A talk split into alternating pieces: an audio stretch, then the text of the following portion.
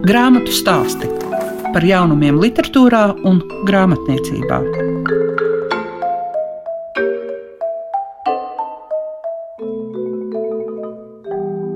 Sveiciens visiem tiem, kas klausās grāmatu stāstus, un šodien klasikā būsim tādā romantiskā noskaņojumā, jo uzzināsiet par latviešu un citu tautu romantiskās dzejas antoloģiju ar nosaukumu Zilā puķe, kā arī uzklausīsim grāmatu izdevēju viedokli par to, kas viņus priecē un kas arī skumdina. Kopā ar jums Liega Piešiņa. Grāmatā stāstos šodien varēsiet dzirdēt Renātu Punku, Latvijas grāmatu izdevēja asociācijas valdes priekšsēdētāju.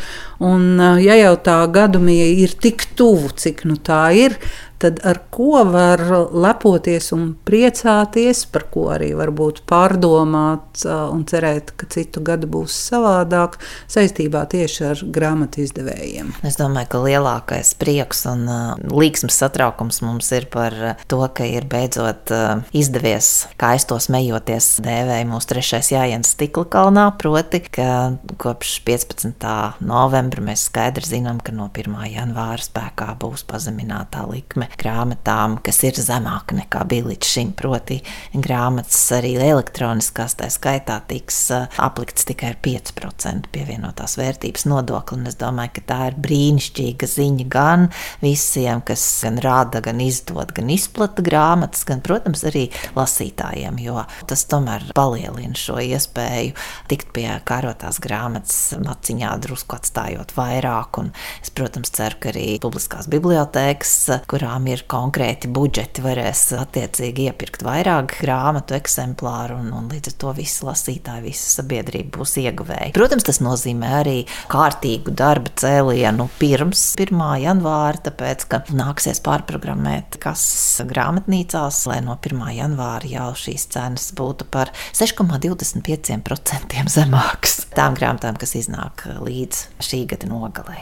Tas ir arī labi, tāpēc, ka nenovēršami mēs redzam, redzam, ka visas cenas kāpj un visās jomās, un līdz ar to šī pazeminātās likmes ieviešana varēs mazliet kaut kā amortizēt vai absorbēt daļu no papīra cenas kāpuma, ar ko saskaramies nu jau savā ikdienā, un diemžēl mūs brīdina, ka ar to būs jārēķinās arī nākamajā gadā. Jā, nu tas, tas ir tāds priecīgs notikums, ar ko mūs arī apsveica mūsu kolēģi no Eiropas grāmatu izdevēja federācijas, kur turēja rokas pulsu un tiešām visu šo divu ar pus gadu gaitā sekoja līdzi, kā mēs diskutējam ar politiķiem un ar finansistiem par šīs likmes ietekmes budžetu un visādām citādām lietām. Savukārt visā Eiropā šis gads ir bijis tikpat neizdibināms un nezināmā pilns kā iepriekšējais, taču jāsaka, ka mums notika pēdējais pēdējais seminārs ciklā par Latvijas grāmatizdevēja digitālās kapacitātes stiprināšanu, un bijām uzaicinājuši arī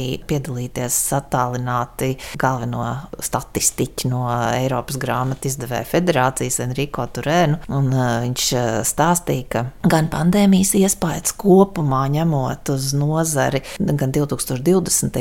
gadā bija mazāk uh, ļauns un postošs, kā tas šķita varbūt pagājušā gada sākumā sākuma pusē. Un jāsaka, ka pandēmijas apstākļi un nepieciešamība sēdēt mājās un mazāk varbūt tērēt naudu citām izklaidēm un arī ierobežojumi kaut kur aizbraukt, kaut kur aizceļot, ir atmodinājuši interesi par lasīšanu un arī atmodinājuši lielā mērā interesi par drukāto grāmatu lasīšanu. Tāpēc kopumā e, noskaņa grāmatu izdevēju vidū gan Latvijā, gan Eiropā ir visnotaļ e, priecīga. Mēs ceram, ka šī atgriezusies interese par lasīšanu būs noturīga. Gribēju vēl pieminēt, ka tieši arī 7. E, decembrī visas tā saucamās jumta organizācijas, gan info infogrāfs, kas ir tipogrāfiju konsorcijas, kurš pārstāv tipogrāfiju nozars intereses Briselē, gan Eiropas grāmatu izdevēja federācija, gan Eiropas grāmatu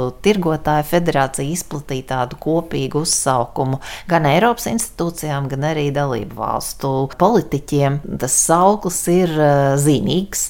Nē, Ziemassvētkiem bez grāmatām, jo viņi atgādina par to, cik būtiska loma ir grāmatām bijusi gan šajā pandēmijas pārdzīvojumā, pārdzīvošanas laikā, gan arī nu, noturīgi un pastāvīgi, gan lasīšanas veicināšanā, gan izglītībā, gan kritiskās domāšanas sekmēšanā un visās tajās lietās, kas tiešām ir mums būtiskas. Un, protams, nu, par katru konkrēto valsti domājot arī dabīgi, ka valodas stiprināšanā mēs tiešām gribam un gādājam par to, lai mēs lasītu latviešu valodā labas, kvalitatīvas grāmatas.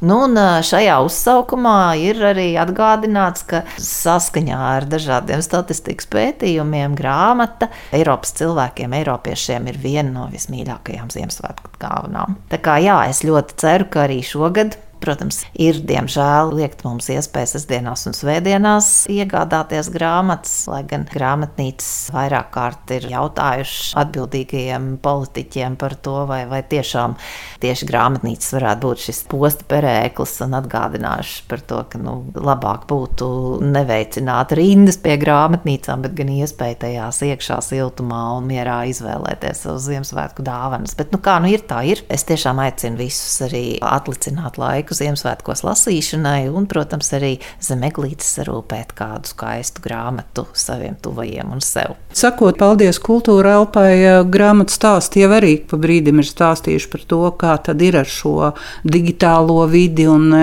domāju, ka mēs turpināsim ne tikai šogad, bet arī nākamgad vēl par to runāt, jo tur ir pietiekami daudz interesantu aspektu, bet uh, tas dāvanu dāvināšanas laiks, kas tagad ir, varbūt palūkojamies kurās grāmatās tiešām diezgan konkrēti tiek runāts par Ziemassvētkiem. Es ieteiktu noteikti pāršķirstīt savos grāmatu plauktos grāmatas, kurās darbība norisinās ap Ziemassvētkiem no mūsu Jāņa Rozes apgāda klāsta, piemēram, no jaunākajām grāmatām ap Ziemassvētkiem norisinās Frederika Bakmana nervozo ļautiņu sižets, un tā kā es domāju, ka šis romāns sagādās Bakmana cienītājiem un labas kvalitātes kvalitatīvas izklaides literatūras cienītājiem dažu labi jauku brīdi un, un liks gan padomāt, gan pasmieties, gan varbūt arī grūši nopūsties kādā brīdī. Bet dabīgi, ka visvairāk Ziemassvētki ir jūtami un klātesoši grāmatās, kas ir domāts uh, gados jauniem lasītājiem.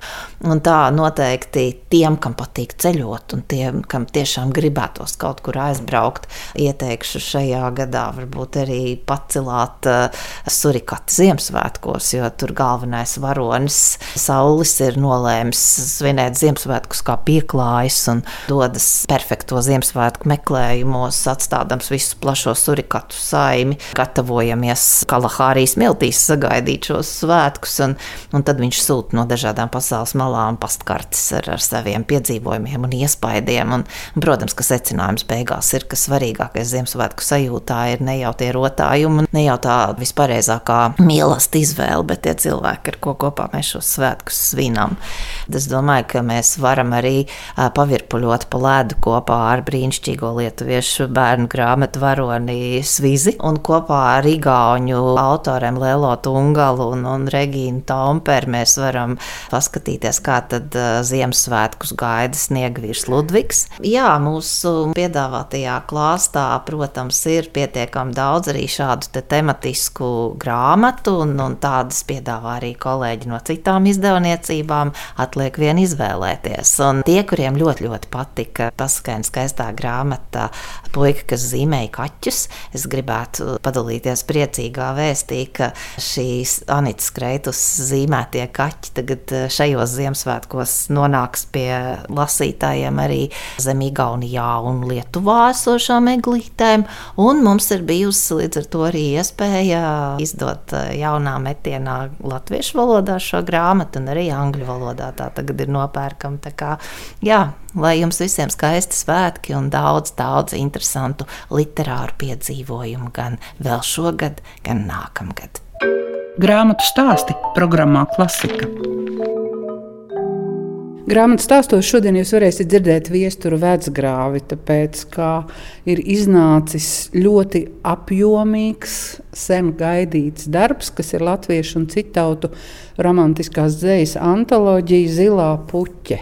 Vai tieši arī tas, ka ne tikai latviešu, bet citautu romantiskā dzēja te ir atspoguļojama. Kāpēc tas bija svarīgi? Kāpēc bija svarīgi kopā parādīt latviešus un citu tautu romantiķus? Tāpēc, ka romantisms jau bija tāda vispasaules kustība, nu šaurākā nozīmē vispār eiropeiska kustība. Un latviešu romantiķi, kuri nu, bija ļoti spēcīgi un dažādi, nebūtu šajā romantiskajā kustībā, nebija kaut kāds izņēmums vai unikums. Sākotnēji, tad, kad es rakstīju savu monogrāfiju par latviešu romantisko dzēju, mani sveicina zvaigznes bija domāts, ka šai antoloģijai kā pielikumu pievienosim latviešu romantiskās dzējas izlasi. Taču monogrāfijas apjoms kļuva tīri tāds paplašs, un akadēmiskais apgāds nolēma, ka nav mērķiecīgi salikt kopā monogrāfiju ar dzējoļu tekstiem. Un tad ar akadēmiskā apgāda vadītāju Aiju Rozensteini mēs nonācam kopīgi pie tāda viedokļa, ka ir vērts izveidot romantiskās dzīslas antoloģiju, kurā tiktu parādīts ne tikai latviešu romantiķu devums, bet tiktu parādīts arī kāds bija romantisms dzējā Vācijā, Anglijā, Francijā, Krievijā, Spānijā, Itālijā, UTT, UTT, aizejot līdz pat mazajām tautām, teiksim, kā Slovēņiem, kur ir Eiropas mēroga dzējnieks France Prešerns, vai savukārt pie Gruzīniem, kur arī ir ļoti spožs dzējnieks Nikolas Baratašvili. Citiem vārdiem, mani interesēja tas konteksts, ar ko latviešu romantiskā lirika ir līdzīga citu tautu romantiķu dzējai, un tai pašā laikā atšķirīga. Un, protams, šādā antoloģijā bija jāiekļauj mūsu kaimiņu tautu, Igaunu lejušu romantiskā dzējā. Protams, bija jāpāriet pāri gandrīz visai Eiropai, kaut gan tādā ideālā variantā. Šai antoloģijai vajadzēja būt vēl biezākai, teiksim, iekļaujot kaut vai holandiešu romantiķus, iekļaujot Baltkrievu romantiķus, kas arī bija taču vienreiz bija jāpieliek punkts. Un eh, antoloģija tika izveidota tādā veidā, kādā tā šobrīd ir nopērkama. Proti, tiek parādīti paši būtiskākie ne tikai latviešu romantiķi, sākot ar eh, Auseklu un Pumpuru, noslēdzot ar 30. gadu romantiķiem, teiksim, Austru Skujiņu, Mirzu Bendrupi, Valdi Grēviņu, bet arī bija vēlme parādīt, kāds tad bija romantisms citu tautu dzējā. Nu, to, protams, varēja parādīt tikai ar konkrētiem piemēriem. Pāraugot to, kas bija no apmēram līdz 2017. gadam jau atzējots no citautu romantiķiem, konstatēju, ka daudz kas trūka, vai nu daži autori bija ļoti maz atzējoti, kā piemēram izcilais angļu romantiķis Džons Kīts vai savukārt franču romantiķis, dzinieks arī Viktors Sigo bija autori, kuri vispār nebija latviskoti. Nu, un tad šī antoloģija zināmā mērā aizpilda gan tādu papildināšanas vakumu, parādot latviešu citautu romantiķu dzēju, gan eh, arī dzen, uzsver to, cik daudzus no lielajiem citautu romantiķiem mēs zinām ļoti virspusēji. Un te piemērs būtu piemēram Edgars Alans Poko, ļoti labi cilvēki zina kā spožu detektīvu stāstu autoru. Šausmu. Jā, šausmu stāstu stāstu autoru, jā, taču nezinu, kā vienu no izcilākajiem romantiskajiem dziniekiem. Cilvēkiem te būs iespēja ar šo antoloģiju iepazīties nu, tādā plašā, es negribētu teikt, universālā izgaismojumā uz citautu romantiskās dzīslas spožākajām figūrām. Kā vienā cilvēkā, tādā Edgara Elanā Po, var apvienoties šie šausmu stāsti un romantisms? Nu, laikam jau jārunā par cilvēka daudzdabību. Un Edgars Salants nav vienīgais šāds autors. Šausmu elementus jūs atradīsiet arī tādā ļoti izteiktā franču romantisko sapņu dziniekā Žerārā Denervālā, kas ir šajā antoloģijā. Un galu galā arī, ja cilvēks nu, tā plašāk zina mūsu pašu Jāņa Poru kā daļradi, tad viņš tajā arī atradīs darbus, kurus droši mēs varētu ieskaitīt šausmu literatūras kategorijā Un mans kolēģis no Liepājas Edgars Lāms savā monogrāfijā par Frici Bārdu, kurš mums arī ir tāds romantiskā jūtīguma un pasaules filozofiskas uztveres dzēnieks, dabas dzēnieks, vienā no savas monogrāfijas nodaļām par Frici Bārdu ir uzsvēris, ka arī Friča Bārdas dzējā pastāv šausmu estētika. Acīm redzot, cilvēks ir pārāk dažāds. Un viņš savas personības dažādās izpausmes nekautrējās arī parādīt. Un tas ir pareizi. Kāpēc šodien jāpievēršas romantismam? Jā, es zinu, ka visjaunākā latviešu dzinieku paudze izturās ļoti rezervēti pret romantismu, lai neteiktu dažkārt pat naidīgi. Bet, manuprāt, romantiķu dzējā ir tā, kas cilvēka jūtu pasauli bagātina, niansē, palīdz empātiskāk izprast citam citu, viņa rīcībā, runā, jūtās. Romantiķu dzēja faktiski pilda to pašu funkciju, ko viņa pildīja 19. Uh, gadsimta pirmajā pusē un turpmākajos laikmetos, un mūsdienās arī izkopt cilvēka jūtu kultūru, izkopt cilvēka redzīgumu, dvēselisku atsaucību, jā, nu es arī teiktu savā ziņā ideālismu, jo romantisms bez ideālisma nav iedomājams. Pasaule ir plaša, dažāda, bet, uh, ja mēs skatāmies no tās dzīvoļu puses, tad uh, kurš tavuprāt ir tas vārds, kurš visvairāk tiek izmantots no romantiķiem? Nu, mūsu latviešu romantismā tas noteikti ir vārds dvēsele, kas sākās gan ar Aspaziju un Poruku, gan arī turpinās 30. gadu romantiķu dzējā, kaut vai Mirdzai Bendrupei. Citautu romantisms varbūt tik daudz neakcentē šo dvēselisko pusi, bet akcentē dzīvi kā tādu harmoniskuma un skaistuma pasauli, dzīvi kā tādu, kurā ir pietiekami daudz arī negatīvā un nepatīkamā, bet tomēr ar atsevišķiem tēliem, tīpaši dabas tēliem. Citautu romantisms cenšas noturēt spēkā tādu harmonijas pasauli, kas, protams, mūsdienu pasaulē praktiski ir neatrodama. Es negribētu teikt, ka romantiskās dzējas lasīšana un un emocionāla uztvere būtu atgriešanās kaut kādā, nu, teiksim, 18. gadsimta beigu, 19. gadsimta cilvēka bērnībā, bet es drīzāk teiktu, ka romantiskajā dzējā ir kaut kāds humanistiski stabilizējošs faktors, kas ir ļoti būtisks, lai cilvēks pasauli neuztvertu tikai kā sev naidīgu vai tādu, kurā nav iespējams atrast kaut kādas simpātiskas vērtības. Kad tu pats pievērsies romantismam? Pētniecībai? Ja man būtu jāteic teiksim, tā, nu, ļoti strikti pētniecībai, tad droši vien tas ir pagājušā gadsimta 70. gadu beigas, kad es savu diplomu darbu Latvijas Universitātē rakstīju pie izcilā lektora Viļņa Eihvalda un rakstīju par Jāni Poruku. Bet plašākā tādā amplitūdā es gribētu atbildēt ar absolūtu trivialitāti. Romantisms man ir saistīts visu manu apzināto mūžu, un vēl, protams, pēdējos divus, trīs gadus, kad es šo antoloģiju sastādīju. Bet tu arī zini, kāpēc? Nu, laikam jau kaut kas tāds ir manis paša tajā psihostruktūrā. Tiecība dzīve redzēt tādā jūtu aspektā, tiecība uztvert dzīvi kā tādu pozitīvi tendētu vērtību un ļoti lielu nozīmi vienlaikus ierādot arī tādām elementārām cilvēciskām jūtām, sākot no mīlestības, tādā augstā eh, izpratnē, līdz teiksim, empātiskām jūtām, kā iejūtībai, kā žēlsirdībai, līdzcietībai.